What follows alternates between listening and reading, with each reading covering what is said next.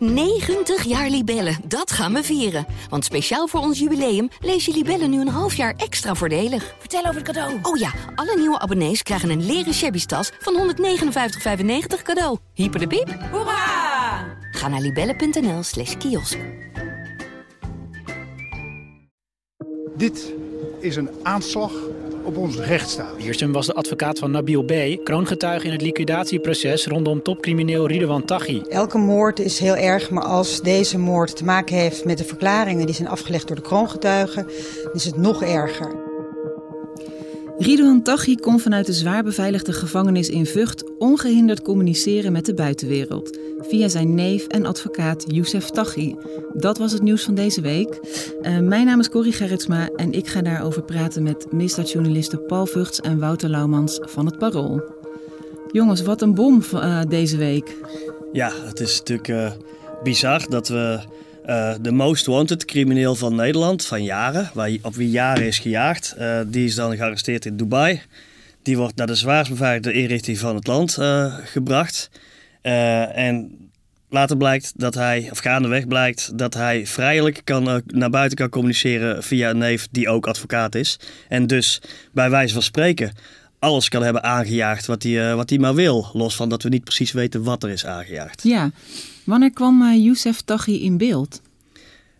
Um, al jaren geleden hebben uh, bijvoorbeeld uh, naasten van de kroongetuigen de staat gewaarschuwd. Van hé, hey, er duikt hier een neef op, uh, Youssef Taghi, die ook advocaat is. Dat vinden wij link, want wellicht gaat die advocaat gebruikt worden als een soort conciliëri die boodschappen gaat doorspelen. Vervolgens duikt hij in uh, december 2020, uh, dus uh, afgelopen december, mm -hmm. heeft hij zich gesteld als advocaat met de wens Tachi te gaan bezoeken in de EBI. Toen heeft het Openbaar Ministerie op grond van een tip aan de criminele inlichtingeneenheid, stellen ze, ehm, een melding gedaan bij de deken. de deken van de Orde Advocaten, dus de toezichthouder. Mm -hmm. Dat was toen de deken in Oost-Nederland, omdat Youssef Tachi toen formeel kantoor hield in Waardenburg. En toen heeft die deken tot maart, afgelopen maart, onderzoek gedaan hierna. Dat heeft opschortende werking. Dus tot die tijd kon uh, Youssef Taghi niet op bezoek bij Ridwan Taghi mm -hmm. in de EBI. En vanaf 11 maart, toen de deken op grond van het, de informatie die toen volgens de deken beschikbaar was, niet maar, kon ingrijpen, mocht uh, Youssef Taghi... Maar dan kijken ze gewoon naar zijn staat van dienst en waar die werkt en dat soort dingen? Nou, ze kijken gewoon uh, wat is de informatie die er ligt. En ze gaan met zo'n advocaat praten van joh, wat is er aan de hand? En als daar, kijk... Uh, in deze zaak, iedereen kijkt nu naar die deken, maar die deken uh, heeft in deze wel te roeien met de riemen uh, die zij heeft. En dat is, er is info, mm -hmm. uh, TCI-info, dat meneer Taghi zijn positie als geheimhouder, dus zijn positie als advocaat, heeft misbruikt. En dat zou hij gedaan hebben in de zaak Poelheim. En dat is de zaak van de moord op Dirk Wiersum.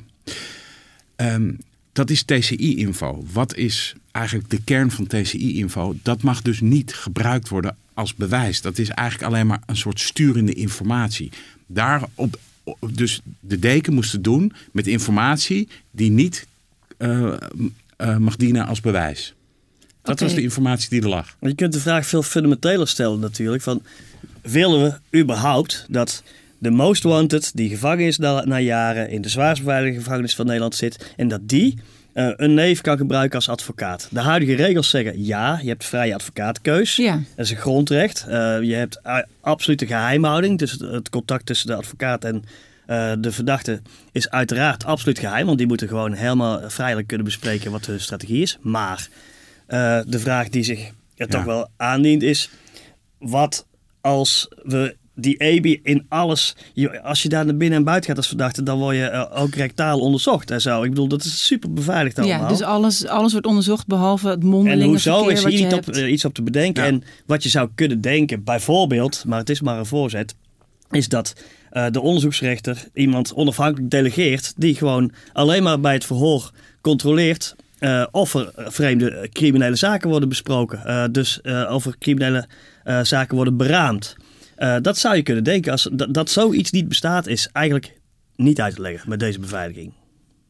Maar ligt, is, het, is het zeer uitzonderlijk dat familie uh, in een rechtszaak uh, zich mee gaat bemoeien? Ik bedoel, ik kan me voorstellen dat er hele grote families zijn waar iemand toevallig ook nog advocaat is? Of is dit gewoon. Nou ja, als je uh, hebt, uh, ik denk dat Paul uh, ook veel contact heeft gehad met advocaten. Kijk, iedereen zegt van ja, het kan. Het kan, het, formeel is er, hè, maar je, je wekt wel echt de schijn van een soort van partijdigheid. Want je hebt een, je Ja. hebt een familiaire band met iemand. Ja. Dus het is een hele Ja, partijdigheid is onwenselijke niet erg, want de advocaat is per definitie partijdig. Maar in elk geval... betrokkenheid. Sorry, Ja. ik, ik, ik zei het verkeerd. Betrokkenheid. Je, je hebt een familieband. Ja, je hebt misschien andere belangen. En er Ja. zijn 18.000 advocaten ongeveer in Nederland. En Mhm. moet het dan per se die ene neef zijn? In een, en, en dan moet je nog bij bedenken dat de opsporingsdiensten eh, de familie Taghi eh, wel beschouwen als een soort clan. Die, eh, waar, waar verschillende mensen samenwerken. Ja. De twee broers van eh eh, Ridwan Taghi zitten in Marokko al gedetineerd. Laten we daar zo meteen op terugkomen. Want Nou, ik wil. ik wil nog één ding aanstippen. Want de, ha- de hamvraag wat, wat ik hier wel bij had, maar ik weet niet hoe jij er tegenaan kijkt, Paul, eh, is gewoon oké. Dus er ligt zo'n ja, serieuze aantijging, hè? zo'n serieuze eh, ding van de TCI. Eh, deze man, meneer misbruikt zijn positie als advocaat. Ja.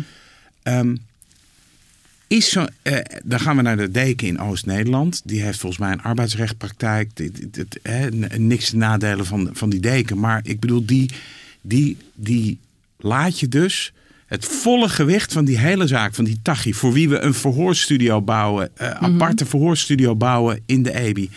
Dat laten we dan vervolgens, schuiven we dat naar de deken. Wat vind jij? Ik dacht daar wel van, ja jeetje, hoe, hoe, hoe, dit kan je Wie bijna... moet dat anders doen? In Maar alles minister? ademt- ja, in alles ademt deze zaak van waarom kan de staat in extreme gevallen, en dit leek een extreem geval, het is inmiddels ook wel Ja. gebleken, eh, waarom kan de staat dan niet ingrijpen? Kijk, we willen niets afdoen aan de advocatenrechten en zo. Alleen deze is buiten elke categorie. Ja. En dan zou je denken, minister, doe iets. Ja. Probeer in elk geval tot het uiterste Want- te kijken wat je kunt doen. En de vraag is of dat hier gebeurt. Ja, want mind you, de broer van de kroongetuige was op dit moment al doodgeschoten. Mhm.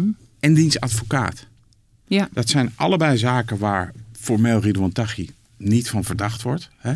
Maar waar wel eh, de, de communes opinio is, dat heeft te maken met hun rol eh, of hun betrokkenheid bij mensen in het, in het, in het strafproces tegen Ridwan Taghi. Ja. En dan ga je in, in, in, met, die hele, met dat hele stuwmeer ga je zeggen, ja oké, we gaan naar de deken. Ik had wel zoiets van, zo, dat is wel een, een Maar grote... vind je dat ze het ontzettend onderschatten dan? Dat Ja. het. Nou, dat straalt hier natuurlijk wel uit. En, Ja. eh, kijk, en ook gaandeweg, daar komen we zo, zo meteen nog wel op terug. Toen de staat evident, toen de hoogste, eh, toen ook de ministers en zo eh, duidelijk op de hoogte waren hiervan, voelde je nog steeds niet een, eh, een gevoel van dit moeten we nu met welk middel we ook hebben eh, stoppen. Je kunt ook zeggen, knip de lijn door en dan gaat hij maar naar de rechter. En misschien gaat over drie jaar het Europees Hof voor de Rechten van de Mens uiteindelijk zeggen dat het zo niet had gemoeten.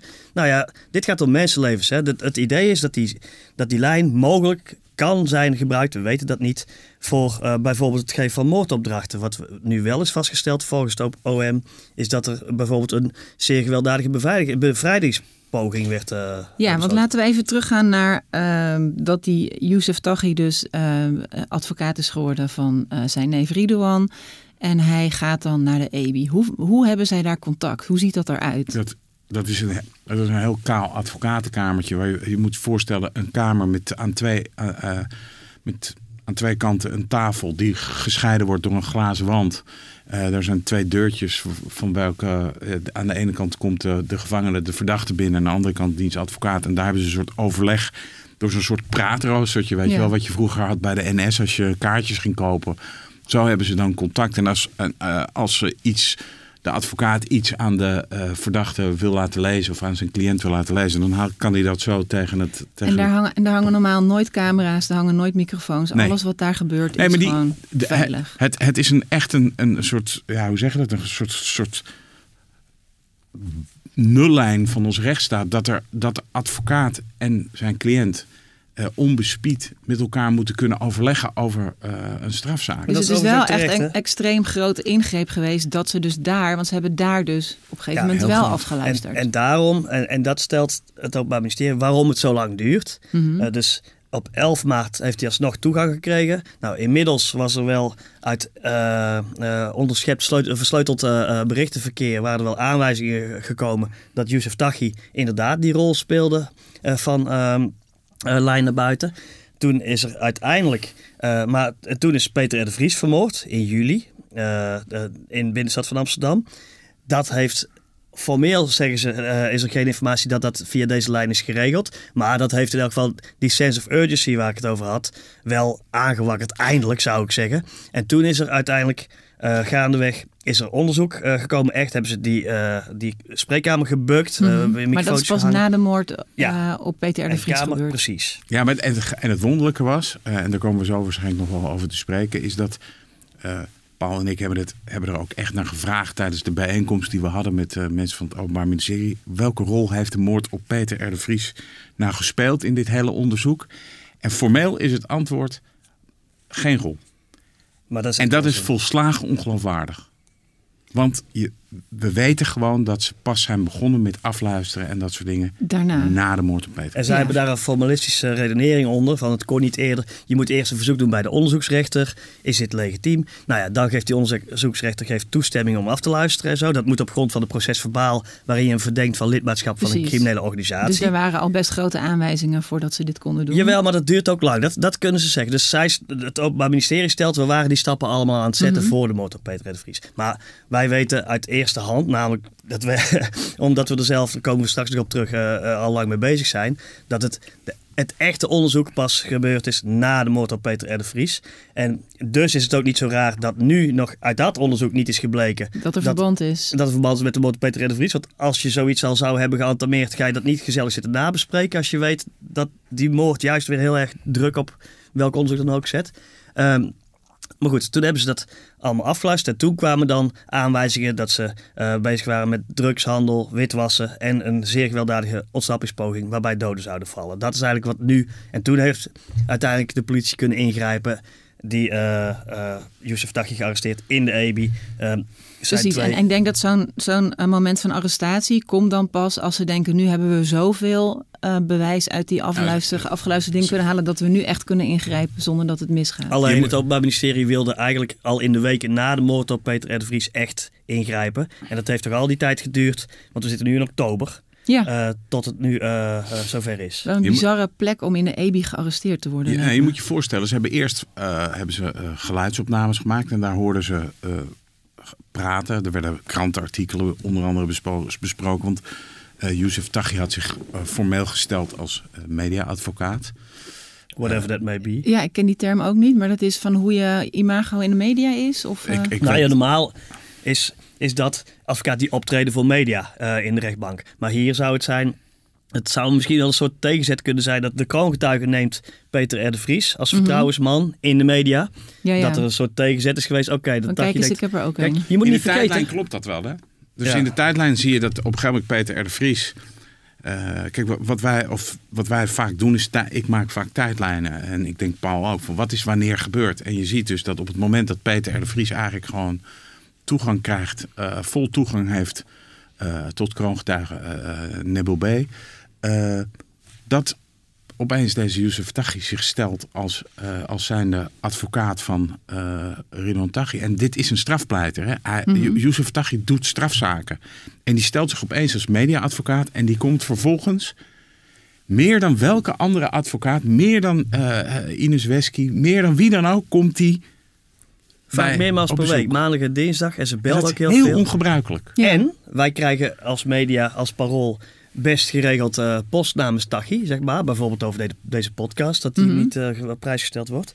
Uh, maar dat kwam nooit van media-advocaat Youssef Tachi. Dat kwam altijd via een, het kantoor van Ines Wesky. En ehm, Tachi heeft vier advocaten, mind you. Dus iedereen kent Ines Wesky, de strafadvocaat. Ja. Nou, die kan ook vervangen worden, dus dat zijn soms meerdere personen. Dan heeft hij een advocaat die de detentieomstandigheden bespreekt. De, de, hij klaagt over de omstandigheden waarom hij vastzit.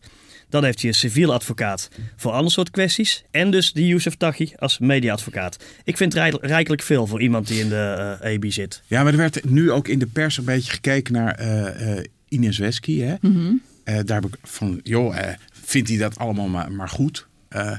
daar, daar gaat zij niet over. Dus een, een verdachte kan, mag zelf weten wie hij allemaal in de, in de hand neemt. Dat, ja. dat mag gewoon. Daar kun je dus ook niks aan doen. Dus dat, Kijk, uh, dat nou goed, is... ze kan het er minimaal afraden. eh, ja, dat... eh, eh, tot nu toe niet. staat Ridwan Taghi niet bekend als iemand die zich heel erg laat voorzeggen wat hij moet eh, doen of laten. We kennen hem nog onvoldoende, hè. hij is nog nergens voor veroordeeld, maar dat is niet het beeld. Ja. Maar goed, dus die, die twee die zitten in die cel en wat, of, of in, die, in die spreekkamer. Eh, en wat horen ze? Gefluister, dus gesprekken die op een gegeven moment overgaan in een soort gefluister. Waarbij er gekrast wordt, geschreven, gekrast. En eh, de, eh, de opsporingsdiensten, wat gebeurt daar? En Mhm. vervolgens hebben ze dus pas camera's opgehangen. Het zijn hele zware opsporingsmiddelen. Dit is al... eh, Dan moet je ook steeds weer nieuwe Maar dat ze fluisteren, zou dat dan betekenen dat ze ook de rekening mee houden dat ze afgeluisterd werden? Oh ja, dat, is- dat, dat is de redenering. En dat kras, is, het lijkt erop dat ze dingen opschrijven dan. Mhm. Laat, dus stel Ridwan Taghi schrijft dingen op. Die houdt dat papier tegen de glaswand. Uh, Youssef Taghi kan het lezen. Dan wordt alles weer doorgekrast. Eh, eh, en dan gaat het gesprek weer verder. En misschien wel weer over koetjes en kalfjes laten. Dat is een beetje het beeld dat het Openbaar Ministerie Ja. nu, eh, eh, nu schetst. Ja. Ja, de, het Openbaar Ministerie zei dat het heel, eh, heel geniepig... Die gaven er ook echt een waardeoordeel aan. Ja, ja, heel geniepig ontluisterend. vonden Geniepig contact tussen Dat ze het heel geniepig en- vonden. En je merkte ook in die bijeenkomst dan dat, eh, dat ze echt wel een beetje het gevoel hebben eh, binnen het Openbaar Ministerie dat de verworvenheden van onze rechtsstaat Mhm. nu eigenlijk tegen die rechtsstaat gebruikt worden. Ja, laten we even naar die bijeenkomst gaan. Want eh, Paul en Wouter, bij jullie stuk in onze krant stond ook dat jullie eigenlijk al heel lang hiervan op de hoogte waren, maar niet konden publiceren. Dat klopt. Hoe ja, gaat- dat, Vertel daar wat over. Dat is eh, sinds het voorjaar. Eh, in het voorjaar zijn wij geïnformeerd over van... Hey, de Youssef Taghi, je moet maar eens kijken. Eh, dat is een advocaat. Een eenpitter, zoals het heet. Een kantoor met eh, maar één advocaat. Eh, en die gaat bij Ridwan Taghi op bezoek. En dat, dat is toch wel super eng. Gezien wat er allemaal aan grof geweld wordt toegedicht aan Ridwan. Taghi. Nog niet bewezen, maar wordt toegedicht. Zowel liquidaties waar hij voor vervolgd wordt en ander grof geweld... als die verschrikkelijke... eh, liquidatie, de moord op de broer van de kroongetuige, de Mhm. moord op de advocaat. Nou ja, eh, in dat spectrum. En dan ineens blijkt dat hij gewoon een neef als advocaat heeft. Dat- Die informatie kregen wij. Nou, Ja. we zijn daarmee aan de slag geweest. En dan moet je je voorstellen, ehm, journalistiek eh, stokt het daar op een moment. Omdat je, wij kunnen natuurlijk niet onderzoeken wat nou de inhoud van het contact is. Dus is die Youssef Taghi inderdaad de tussenlijn tussen Taghi Mhm. en de rest van de criminele organisatie buiten? Ehm, dat is één. Twee is, stel nou, wij publiceren dit. Dan moeten we natuurlijk eh wederhoor gaan vragen bij Youssef Taghi, terwijl die lijn nog open is. Eh, dan ga je zeggen, nou meneer Taghi, eh, ik ben van plan te gaan schrijven dat u mogelijk een, die rol vervult. Nou, die zal zeggen, nou ja, ben je gek. Nou, die gaat dan naar Ridwan Taghi. En wie weet wat daar voor eindspel op gang komt, snap je? Wie weet wat er allerlei grof geweld, als het allemaal waar zou zijn, hè, grof Mhm. geweld geantameerd, dat mensenlevens kan kosten. Ja, dus Misschien eigenlijk zelfs onze je... eigen mensenlevens overigens, maar af rechters, officieren, advocaten. En Ja, belangrijk, dus- is, belangrijk is ook om te weten wat wij wisten op dat moment. Wij wisten, hij heeft een neef, die is advocaat Mhm. en die komt bij hem op bezoek. En that's it. En dat was het. Heel vaak. Wij Dat wisten wij wisten niet dat hij, eh, hij ervan verdacht werd eh, middels een TCI-tip van dat hij eh, door zijn positie als geheimhouder Ja. mis, In de misbruikte. zaak Wiersum was dat, hè? Eh, hij- wij wisten niet dat hij eh, verdacht werd van mogelijk eh, het zijn van een soort doorgeefluik eh, naar buiten toe. Het enige wat wij wisten op dat moment was... eh eh, Youssef Taghi heeft zich gesteld als advocaat en komt regelmatig op bezoek in die EBI. De vraag is dan die je jezelf stelt, oké... eh, wat buiten het feit dat je gut feeling zegt: dit, klo- dit klopt niet, dit, kan, Mhm. dit, dit bestaat toch bij- bijna niet. Maar buiten, wat is dan formeel? Wat is er aan de hand? Wat, wa- waarom is het erg? Mag het niet? Nee, het mag wel. Ja. Het is dus, het is dus niet meer dan alleen maar. Je heel hebt gek. eigenlijk nog niks, Je behalve... hebt niks. En heel Ja, bijzonder in deze zaak is dat echt heel veel mensen gaandeweg van op de hoogte waren. Mensen binnen het Openbaar Ministerie, mensen binnen de top van de recherche, mensen binnen de advocatuur eh, en mensen binnen de journalistiek. Uiteindelijk zijn er ook vier andere eh, media bij betrokken die er ook van wisten. Mhm. En onderling hebben wij uiteindelijk, eh, nou ja, we merkten het van elkaar dat we aan hetzelfde bezig waren. En uiteindelijk hebben we onder deze omstandigheden met elkaar afgesproken van ja, we hebben te weinig om te publiceren. Ehm, Mhm. En het tweede is, als we nu zouden publiceren, uh, onverhoeds. Ja, wat breng je in gevaar? Wat breng, breng je uh, de maatschappij, wie breng je in de maatschappij al in gevaar? Breng je jezelf in gevaar als, uh, als media? Is het allemaal wel verantwoord? Breng je collega's die in het pand werken in gevaar, omdat daar misschien grof geweld tegen het pand komt? Nou, dat.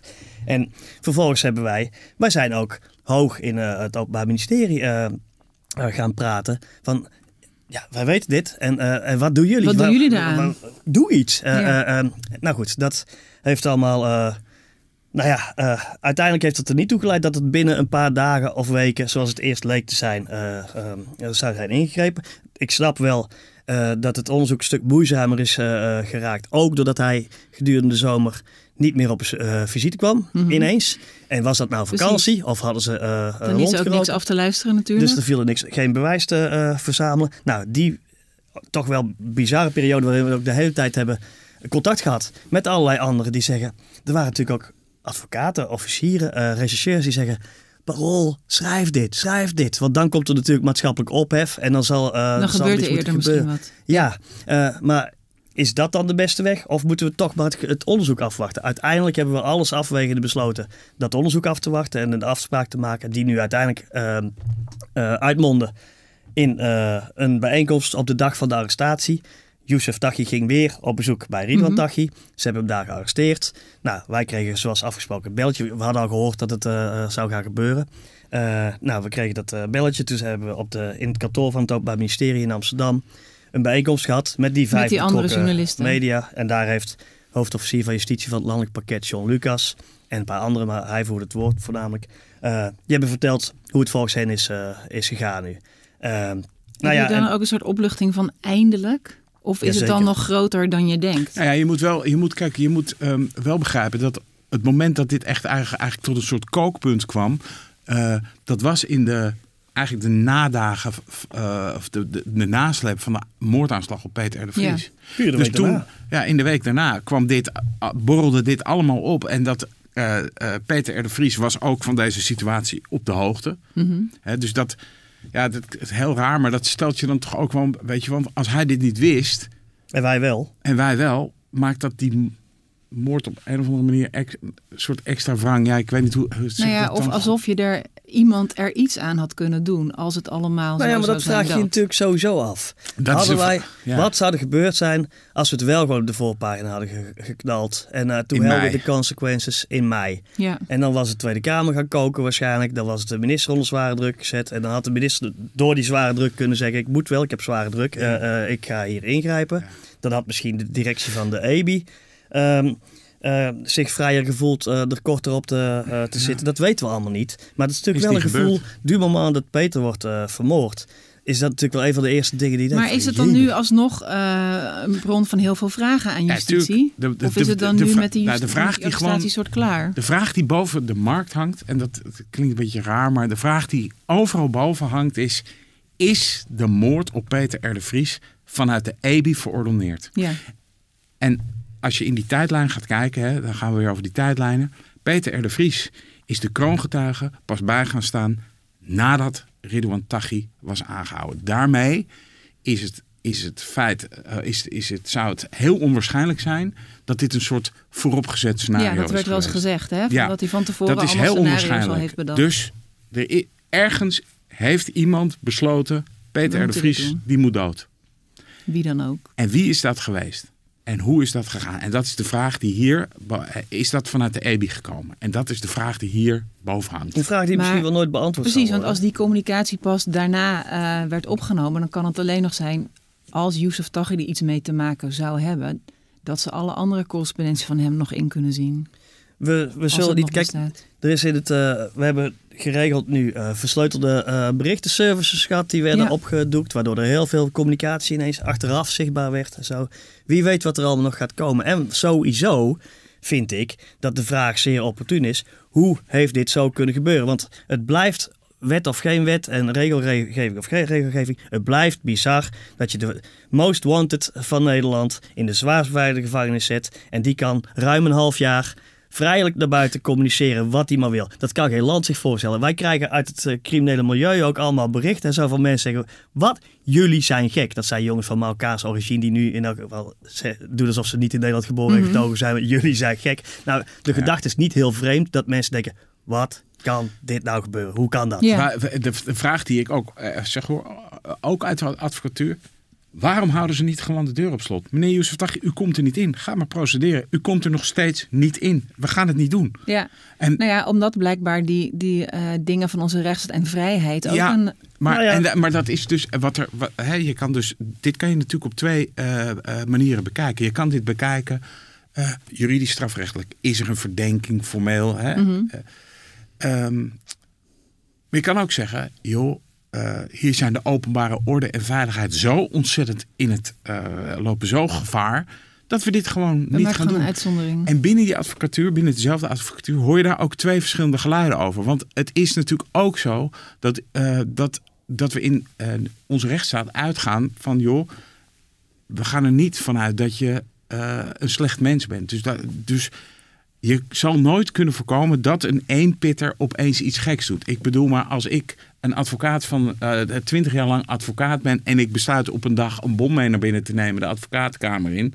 Ja, dat kun je niet voorzien. Maar is hier, is hier eigenlijk ook kritiek op vanuit de advocatuur zelf? Van jeetje, hoe heeft het kunnen nou ja, gebeuren? Alles, het is eigenlijk een beetje slecht voor ons. Het is een kiphok ja, buiten op dit nu. moment. Want ja. des, deskundigen, want wij raadplegen allemaal deskundigen, van waren er middelen geweest waarmee bijvoorbeeld de minister Ja. eigenhandig al had kunnen ingrijpen. Sommigen zeggen ja, artikel is er zo, maar dan is er misschien wat weinig bewijs. Anderen zeggen, nou het lijkt ons nu nog niet bij deze ehm, Mhm. stand van zaken. Binnen de advocatuur, ook advocaten die normaal tot het, eh, uit het treuren de grenzen van de rechtsstaat proberen te bewaken en eigenlijk vrijwel alle overheidsingrijpen onrechtmatig vinden van nature, die stellen nu dit specifieke geval had moeten worden ingegrepen. Dat, dat, is, een, dat is een discussie die zich nog wel even zal uh, uh, voortzetten en die is nog niet uitgeraasd. En wij zijn er ook nog volop mee bezig, omdat wij onszelf dit ook afvragen. Ook omdat wij uh, sterke signalen hebben dat de overheid, de overheid dus Mhm. pionnen binnen de overheid, al vanaf 2018 en zeker 2019, toen ook uh, Dirk Wiersum is vermoord, de advocaat van de kroongetuigen, al wisten dat dit gaande was en dat hier zorgen over waren. Ja, en de, de, discussie bespi- uh, hè, de discussie spitst zich nu een beetje toe op van... ja, zie je wel die advocatuur en daar heb je allemaal rotte Mhm. appels. En, ja, en dat is echt te kort door de bocht. Weet je wel, de, eh, de- iemand zei me... je moet wel de ogen op de bal houden. En de, en de bal is in dit geval... hoe kon dit zomaar gewoon gebeuren? Toegelaten? Wat Ja. interessant is overigens ook nog, is dat als, stel je zou ingrijpen en bijvoorbeeld eh, er zou voor de tien eh, als gevaarlijkst beschouwde verdachten van Nederland, zou bij hun eh, gesprekken met advocaten in de EBI, zou iemand, een soort gedelegeerde van de onderzoeksrechter of zo, een onafhankelijk iemand worden neergezet die puur alleen checkt, worden hier geen misdrijven beraamd in plaats van alleen maar besproken wat de verdenkingen Mhm. zijn. Ehm, dat zou ook de advocaat in kwestie kunnen helpen. Want als jij dan advocaat bent van, ik noem maar wat, iemand, Ridwan Taghi, eh, en je komt er doorheen, dan ben je dus, dat krijg je het stempel oké. Aan de andere kant kun jij door zware eh, criminelen of verdachten met een hoog profiel niet onder druk worden gezet als advocaat. Mhm. Want er is iemand bij. Dus dat kan helemaal niet. Dus je redt ook mogelijk advocaten uit de handen van precies de zwaarste criminelen die iets verkeerd zouden willen. Ja, maar het klinkt toch ingewikkeld, omdat, Ja, je, omdat er dan nog meer, toch meer mensen op de hoogte zijn van vertrouwelijke communicatie. Tuurlijk, en het heeft juridische natuurlijk. Het heeft ook gewoon verre, verregaande implicaties op eh, dat je dus gewoon als advocaat één op één met je klant moet kunnen. Ja. vrijelijk Nou, vergis je niet. praten. In ons rechtsstelsel heeft een onderzoeksrechter vaak een zware rol. Die moet, dus bijvoorbeeld nu ook in dit onderzoek, is zij dan de resultaten van dat afluisteren en zo in de spreekkamer, die zijn eerst aan de onderzoeksrechter gegeven, die als onafhankelijk wordt beschouwd. Die heeft gekeken, oh, is dit iets wat de recherche moet mogen hebben voor dit onderzoek? Mhm. Of is dit vertrouwelijk en houden we dat hier? Precies, dus, hij weet het ook. Er zijn veiligheidskleppen en die, het is mij nog niet bekend dat onderzoeksrechters in het verleden mee hebben gewerkt aan eh, malversaties. Dus we zouden een stap verder zijn in eh, eh, eh, de, de, de pad naar eh, wat eh, sommige criminologen mafianisering noemen. Maar daar zijn we nog niet. We zijn niet zo'n corrupt land dat dat niet te regelen zou zijn. Nee. Laten we nog even eh, kijken wat er nog verder rondom eh, Marengo en de zaak Taghi is gebeurd. Eh, waarvan dit, dit was natuurlijk gewoon het meest opzienbarende wat er is gebeurd. Ja, dit heeft ons de afgelopen maanden heel erg bezig Ja. gehouden. Maar ook, nou ja goed. Maar goed, we gaan het nog over iets anders hebben. Namelijk dat er nog meer mensen zijn opgepakt die ook familie zijn van Ridouan Ja. Taghi. Namelijk Jawad F. in Marokko. Ja, Wouter, vertel er wat over. Dat Wie is was een- hij? Is dat, hij? Dat is een, eh, is een neef, van, eh, ook een neef van eh eh, Ridwan Taghi. Zoon van de zus. Eh, en hem, hij wordt in het milieu en ook wel eh, in opsporingsdiensten gezien als een soort troonopvolger van eh Taghi. Hij wordt gezien als een heel belangrijke eh, figuur. Hij staat heel dicht bij Ridwan Taghi. Hij reisde samen met hem naar Marokko. Woont hij in Marokko? Woonde hij in Marokko? Hij woonde de, de, de laatste tijd in Marokko, ja. En eerder zijn er al twee broers van Ridwan Taghi aangehouden eh, in een zaak. En ik, dat is een zaak die wel even teruggaat, maar dat was een moordaanslag op een eh, rivaal van Taghi in Marrakesh. Daarbij hebben de eh, schutters de verkeerde doodgeschoten. Dat bleek de zoon van een Marokkaanse onderzoeksrechter te zijn. Ehm, en daarvoor zijn twee broers aangehouden. Eh Jawad F. is nu aangehouden ook voor die oude eh, mislukte moordaanslag. Dus voor die moord op die zoon van die onderzoeksrechter.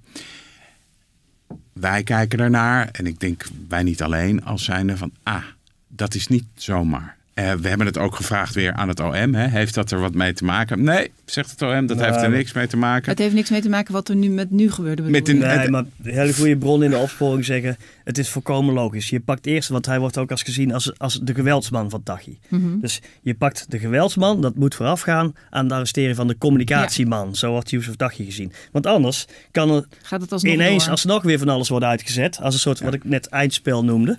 En eh, dan gaat het alsnog op allerlei manieren mis. Dus dat zijn twee. En er is nog een neef, Anouar Taghi. Die verdacht wordt van een proces. Onder meer de moord op Dirk Wiers. Een, eh, een bijrol daarin. En het eh, eh, regelen van eh, gestolen auto's en zo. Die wordt ook in het milieu. Maar ook binnen de opsporingsdienst. Als een hele belangrijke pion gezien. Dus je hebt de neef Jawad F. Die gearresteerd is. Als vermeende geweldsman. Je hebt deze Anwar eh Taghi. Je hebt die twee broers die in eh, Marokko eh, vastzitten. En je hebt allerlei familieleden die rollen worden toegedicht waar nog geen bewijs voor is. Die gewoon buiten zijn. Maar er wordt vanuit het Openbaar Ministerie wel op die manier naar familiebanden gekeken. En naar vermeend misbruik van familiebanden. Nou ja, dat, hier is het laatste woord er niet over gezegd. Het is echt een familiezaak aan het worden. Nou ja, nou, dat, nee, dat is niet helemaal waar. Want bijvoorbeeld in Dubai is, eh, eh, of is afgelopen augustus eh, een Italiaanse eh maffiabaas aangehouden, Raffaele Imperiale. Eh, die wordt ook beschouwd als een crimineel contact van Ridwan Taghi. Dan is er ook nog een aanhouding geweest eh, op Curaçao. En dat betreft een man die eh, drugslijnen zou hebben gerund voor Ridwan Taghi. Dus je ziet wel gewoon, er is iets gaande. We weten nog niet helemaal precies wat. Maar er is iets gaande, een soort spel waarbij eh, die organisatie... of die vermeende criminele organisatie rondom Ridwan Taghi... eh, eigenlijk van alle kanten worden daar nu poppetjes van het bord gehaald. Ja. En misschien is het ook overigens nog wel netjes om te stellen dat het idee niet is dat alle mensen met de achternaam Taghi eh eh foute boel zijn. Snap je? Dus het is niet dat, dat, ook niet dat de opsporingsdienst denken dat de hele familie Taghi eh, schuldig is. Dat zou ik er nog wel even aan willen toevoegen. Omdat Mhm. het anders natuurlijk wel een, misschien ook een verkeerd beeld ja. eh, schetst. Maar wel veel, eh, veel familieleden worden beschouwd, dus ik heb ze, we hebben ze net allemaal genoemd, als, als handlangers die Taghi zou hebben ingezet. Nou ja, er moet allemaal nog bewijs voor komen. Er is nog geen enkele zaak af. wat betreft dit niveau van Ja. opdracht geven. Ja, maar het is natuurlijk ook wel, het is ook wel goed aan ons land, eh, laten we dat vooropstellen, dat eh, iemand met een achternaam, dat die dus gewoon, eh Youssef Taghi, die gaf gewoon les op de Hogeschool van Amsterdam. Ja. En het is natuurlijk best wel goed dat dat gewoon eigenlijk. eh, kijk, achteraf kun je zeggen, ah, dat is belachelijk, hoe is dat mogelijk? Maar het is natuurlijk wel goed dat je onschuldig bent totdat het tegendeel bewezen wordt. Dus dat je dus gewoon ook met zo'n achternaam gewoon een maatschappelijke rol kunt vervullen. Dat vind ik wel belangrijk om te benadrukken. Ja. Eh, jongens, rond Marengo spelen natuurlijk heel veel processen. Maar binnenkort staat de eerste zitting gepland van eh, de moord op Peter R. de Vries. Gaan jullie daarheen? Ongetwijfeld. Ja, daar gaan we allebei heen. Omdat het natuurlijk wel een zaak is die we zeer intensief gaan eh, volgen. Het gaat over de vermoede schutter en de vermoede bestuurder eh, van de vluchtauto. Die, eh, eh, dat zijn de enige twee die gedetineerd zitten tot nu toe in deze zaak. Ehm, het lijkt dat er uh, overweldigend bewijs is tegen, uh, tegen hen. Dat straalt in elk geval de, stralen de opsporingsdiensten wel uit. Um, en het zal heel druk worden, want iedereen wil natuurlijk wel zien uh, wie dan de verdachten zijn van deze verschrikking die deze zomer toch wel beheerst heeft. Dankjewel Paul Vugts en dankjewel Wouter Laumans. dit was aflevering volgens mij 17 van de Tachi-podcast van het Parool. Bedankt voor het luisteren. Heb je vragen voor ons? Uh, mail dan naar tachi.parool.nl. Dankjewel.